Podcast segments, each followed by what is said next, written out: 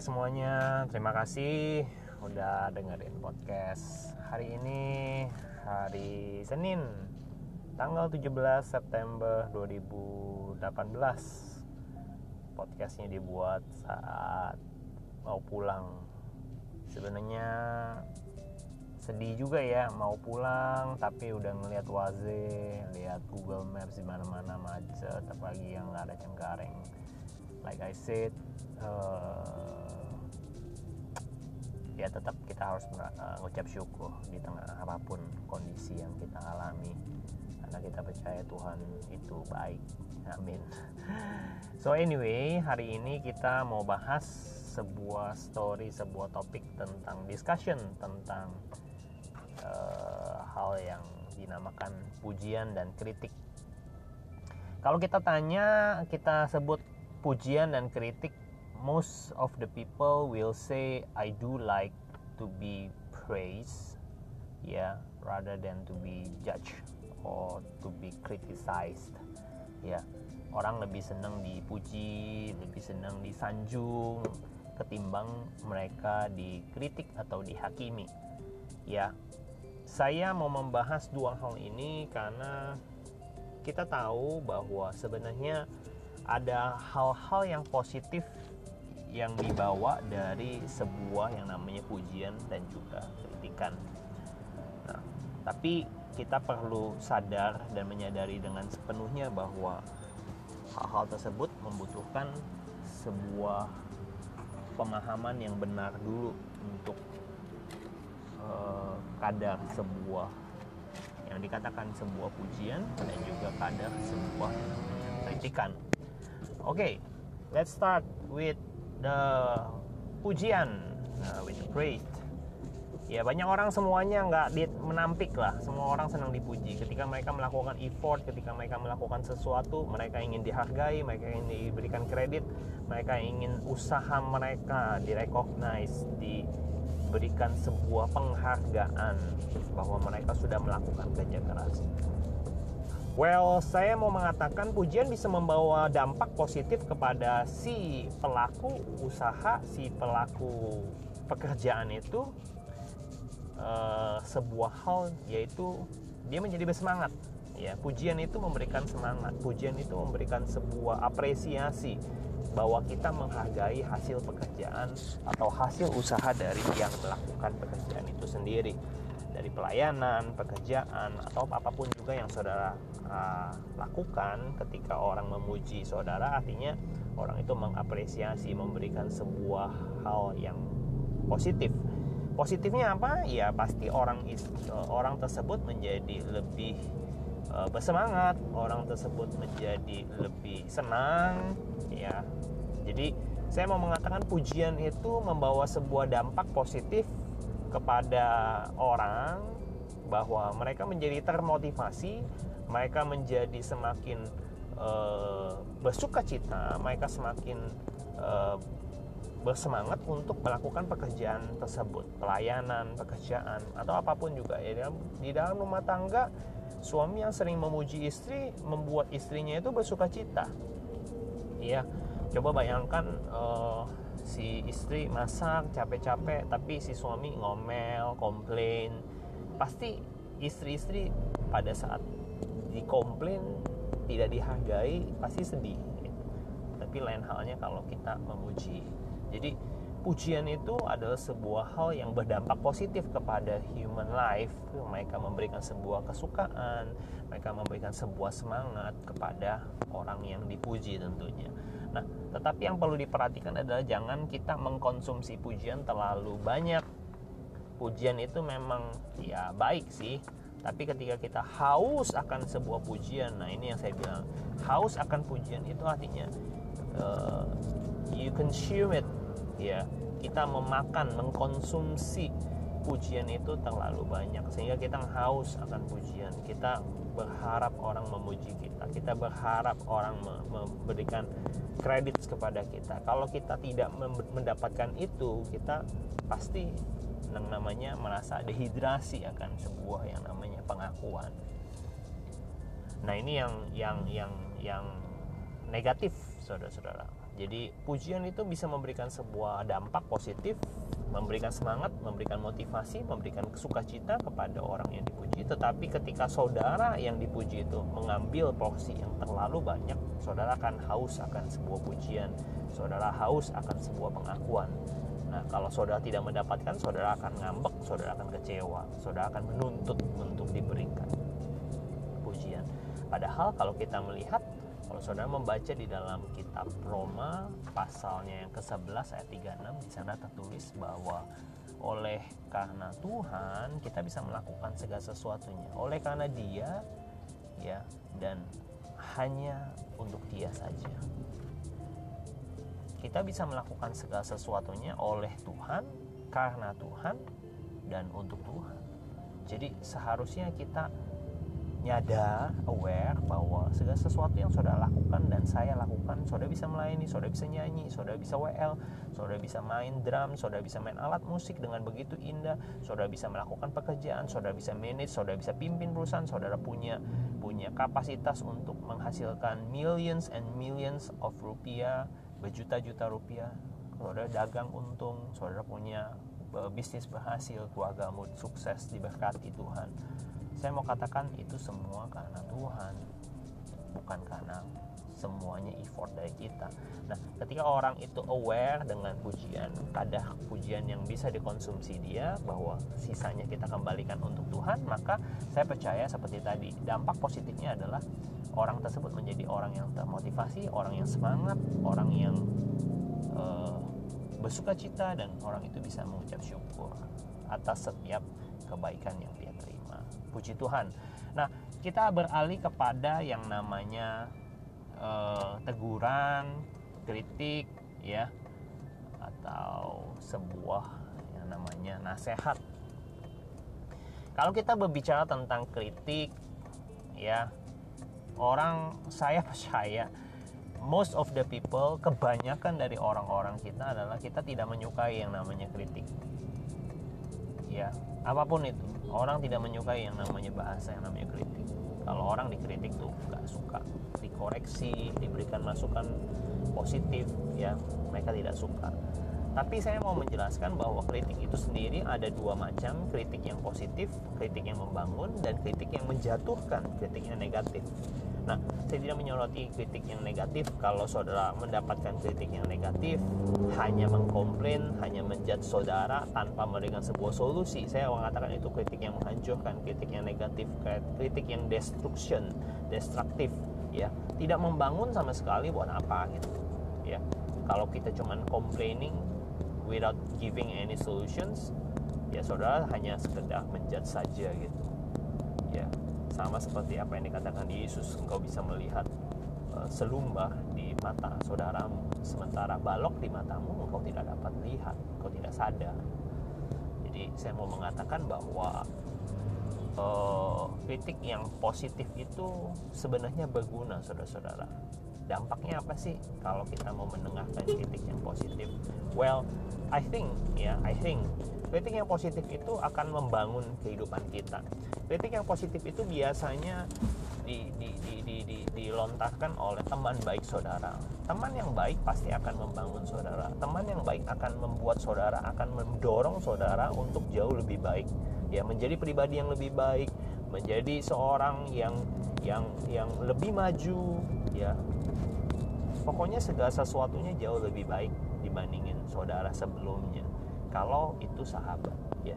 Jadi kalau saudara merasa teman saudara mengkritik saudara cek de, cek dan dicek dulu saya percaya dia tidak mungkin mengkritik saudara tanpa sebuah alasan. Ya sekali lagi saya mau katakan kritik itu ada dua kritik yang positif, kritik yang membangun dan kritik yang negatif. Saya ngomong seorang sahabat biasanya melakukan kritik kepada saudara, memberikan saudara masukan, memberikan saudara teguran, memberikan saudara nasihat. Supaya apa? Supaya saudara menjadi lebih baik. Itu tujuannya. Ya, jadi dampak positif dari sebuah kritikan sendiri adalah menurut saya kita menjadi pribadi yang jauh lebih baik, menjadi pribadi yang lebih positif, menjadi pribadi yang berkembang, ya, berkembang dan bertumbuh, menjadi pribadi yang dewasa, kadang kritikan diperlukan supaya saudara nyadar gitu sadar tersadar untuk menjadi dewasa. Saudara tidak lagi bukan lagi anak-anak pemikiran anak-anak itu pemikiran yang pokoknya gitu ya. Pokoknya saya mau ini gitu. kalau anak-anak kan maunya diturutin tidak mau melihat situasi dan kondisi ya. Tidak mau tahu papanya ada uang atau tidak. Tidak mau tahu papanya lagi kesulitan uang atau tidak. Dia tidak mau tahu papanya habis dia ngomelin bosnya dia tidak perlu tahu ya. Tapi seorang yang dewasa akan belajar bahwa kritikan itu sebenarnya membangun kehidupan kita. Nah hal pertama sebenarnya. Kritik itu yang positif akan membangun kehidupan kita menjadikan kita menjadi pribadi yang lebih baik. Yang kedua kritik itu juga membawa sebuah nilai positif yaitu apa? Saudara akan belajar daripada kesalahan-kesalahan yang saudara buat atau kesalahan-kesalahan yang mungkin menjadi potensi saudara akan hadapi. Ya biasanya orang mengkritik supaya apa? Supaya saudara tidak masuk di dalam kesalahan yang sama. Ya atau sebuah potensi masalah biasanya kalau misalnya kita melakukan sesuatu ya yang menjadi penilai itu kan bukan diri kita. Kita kan selalu berpikir ah baik-baik saja gitu. Tapi terkadang saudara-saudara pasangan terbaik kita eh, orang-orang di sekitar kita keluarga kita teman terdekat kita teman main kita yang mengenal kita pasti akan memberikan sebuah nasihat. Lu jangan seperti ini lu jangan seperti itu. Lu kayaknya nggak tepat deh melakukan eh, kata-kata seperti tadi. Lu kayaknya nggak baik deh bersikap kurang sopan dengan orang tua dan lain sebagainya. Ya saya percaya bahwa teman yang baik sekali lagi akan memberikan masukan. Pasangan yang terbaik akan memberikan masukan. Supaya apa? Dia mengkoreksi kehidupanmu dan kehidupan saya supaya kita belajar bahwa kita melakukan salah dan jangan diulangin lagi. Nah perbaikinnya gimana? Ya itu biasanya kritik yang membangun itu akan memberikan solution. Kritik yang membangun itu akan memberikan sebuah teguran dan supaya saudara bertobat ya orang yang, men, yang yang mendorong saudara pasti akan mengajak saudara untuk berubah bertobat. Bertobat itu kan metanoia. Dari apa yang saudara kerjakan mungkin saudara sedang ke arah utara. Kalau metanoia itu artinya saudara akan berbalik berjalan ke arah selatan berjalan sebaliknya. Seperti itu kira-kira. Ya, jadi hal positif yang didapat daripada kritikan seharusnya kalau kita menyadari bahwa kritik itu membawa sebuah hal yang positif loh pada diri kita. Satu kita bisa belajar untuk mengembangkan diri kita menjadi pribadi yang lebih baik. Yang kedua kita juga bisa belajar supaya tidak melakukan kesalahan-kesalahan yang kita lakukan di masa lalu kita atau yang sudah terjadi supaya jangan terulang atau kritik itu juga membawa sebuah dampak positif supaya apa? Supaya saudara terhindar dari sebuah bahaya-bahaya yang mungkin saudara hadapi. Saudara bisa mendengar bahwa di dalam perjanjian lama ada seorang tokoh yang namanya Simpson. Sebenarnya kalau kita melihat Simpson itu diberikan sebuah uh, masukan atau nasihat daripada bapak ibunya supaya dia tidak mengambil gadis orang Filistin, gadis yang di luar daripada bangsanya sendiri, gadis dari orang yang tidak percaya. Kalau boleh saya katakan dia seperti ini, zaman sekarang sepertinya mungkin klise, tapi saya mau mengatakan ini seperti ceritanya. Kadang-kadang kita membawa pulang menanyakan bahwa kepada orang tua kita saya ingin menikahi dengan orang ini tetapi ketika orang tua kita memberikan sebuah saran, sebuah kritik, sebuah nasihat, kita cenderung mengabaikannya. Kita cenderung ah bapak uh, orang tua saya kolot, orang tua saya mengekang saya. Ini bukan zamannya Siti Nurbaya. Saya punya punya free will, saya punya kehendak bebas. Saya boleh dong memilih siapa pun yang menjadi jodoh saya. Setuju nggak? Bukankah itu yang sering kita lakukan? Bukankah itu sering kita perkatakan kepada orang tua kita? bahwa kita tidak mau diatur kita cenderung tidak suka ketika kita diberikan nasihat wajar saudara-saudara ya saya saya wajar saya juga melakukan itu semua tetapi saat sekarang ini saya menyadari bahwa ternyata saya miss saya merindukan orang yang menegur saya ternyata saya baru menyadari bahwa orang yang memberikan nasihat, memberikan teguran, orang yang memberikan sebuah masukan pada saat waktu itu saya ada dan saya hadir, orang itu hadir, sebenarnya ini karena dia sayang supaya saudara apa? Supaya saya tidak melakukan kesalahan yang mungkin dia sudah bisa prediksi. Ayah Simpson dan ibu Simpson itu mamanya Simpson bukannya orang tua yang jahat, saudara dia pasti mengupayakan supaya anaknya berbahagia mendapatkan jodoh yang terbaik. Tetapi karena Simpson bebal dia tidak mau mengikuti. Dia tidak suka dikritik dia tidak mau didikte untuk masalah jodohnya. Akhirnya dia menutup telinganya rapat-rapat terjadilah seperti apa yang saudara baca di dalam Alkitab. Dia mengalami masalah demi masalah. Walaupun sekalipun masalah itu memang diizinkan Tuhan tapi saya mau mengatakan bahwa seharusnya Simpson tidak tidak perlu mengalami susah yang begitu hebat.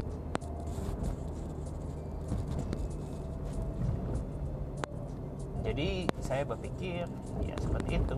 Kritik kritik yang positif adalah kritik yang memberikan nasihat kritik yang positif adalah kritik yang membangun saudara untuk menjadi pribadi yang lebih baik nah saya berdoa supaya kita semua ayo sama-sama sadar sama-sama kita belajar bahwa kita bukan hanya perlu dipuji dan kritik tapi kita juga perlu untuk belajar bagaimana kita memuji orang yang melakukan sesuatu bagi kita.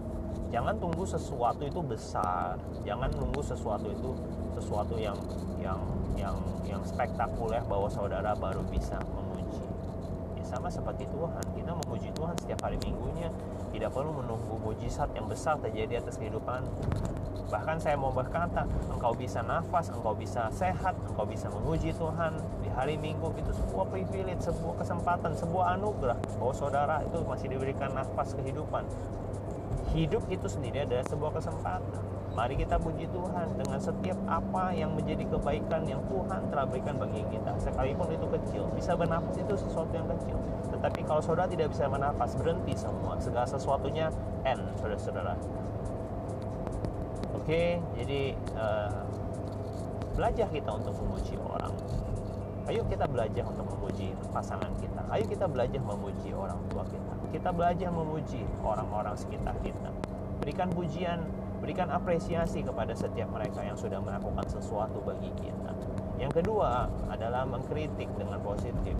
Ayo saudara-saudara jadi orang-orang yang criticize orang bukannya artinya kita menghakimi tetapi jadilah pribadi bukan hanya sekedar mengkritik tetapi saudara memberikan orang tersebut nasihat yang membangun. Gimana caranya untuk jadi lebih baik? Jangan hanya berkata ini salah itu salah tetapi saudara tidak menunjukkan jalannya.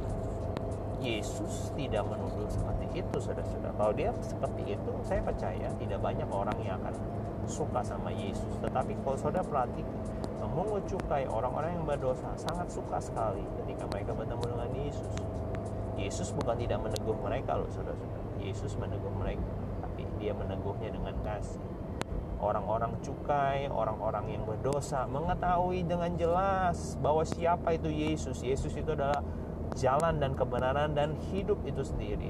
Ketika kebenaran itu berjalan, saya percaya semua orang tahu bahwa itu adalah benar mereka itu me, me, me, menyadari betul bahwa mereka itu orang pribadi-pribadi yang berdosa. Tapi sekali lagi Yesus tidak menghakimi. Yesus hanya memberikan kritik, memberikan nasihat supaya mereka bertobat. Ya. Dan saya percaya orang bisa bertobat oleh karena kasih dan jamaah Tuhan. Di tempat ini saya berdoa siapa pun engkau yang mendengarkan podcast ini bisa diberkati Tuhan, masalahmu ditolong Tuhan, apa pun yang menjadi pergumulanmu, Tuhan dengar doamu, Tuhan jawab dan kiranya engkau memberi menerima damai sejahtera yang datang daripada Tuhan sehingga engkau bisa merasakan sukacita dan kemuliaan Tuhan terjadi atas kehidupan. Di tempat ini God bless you all. See you in the next episode. Bye bye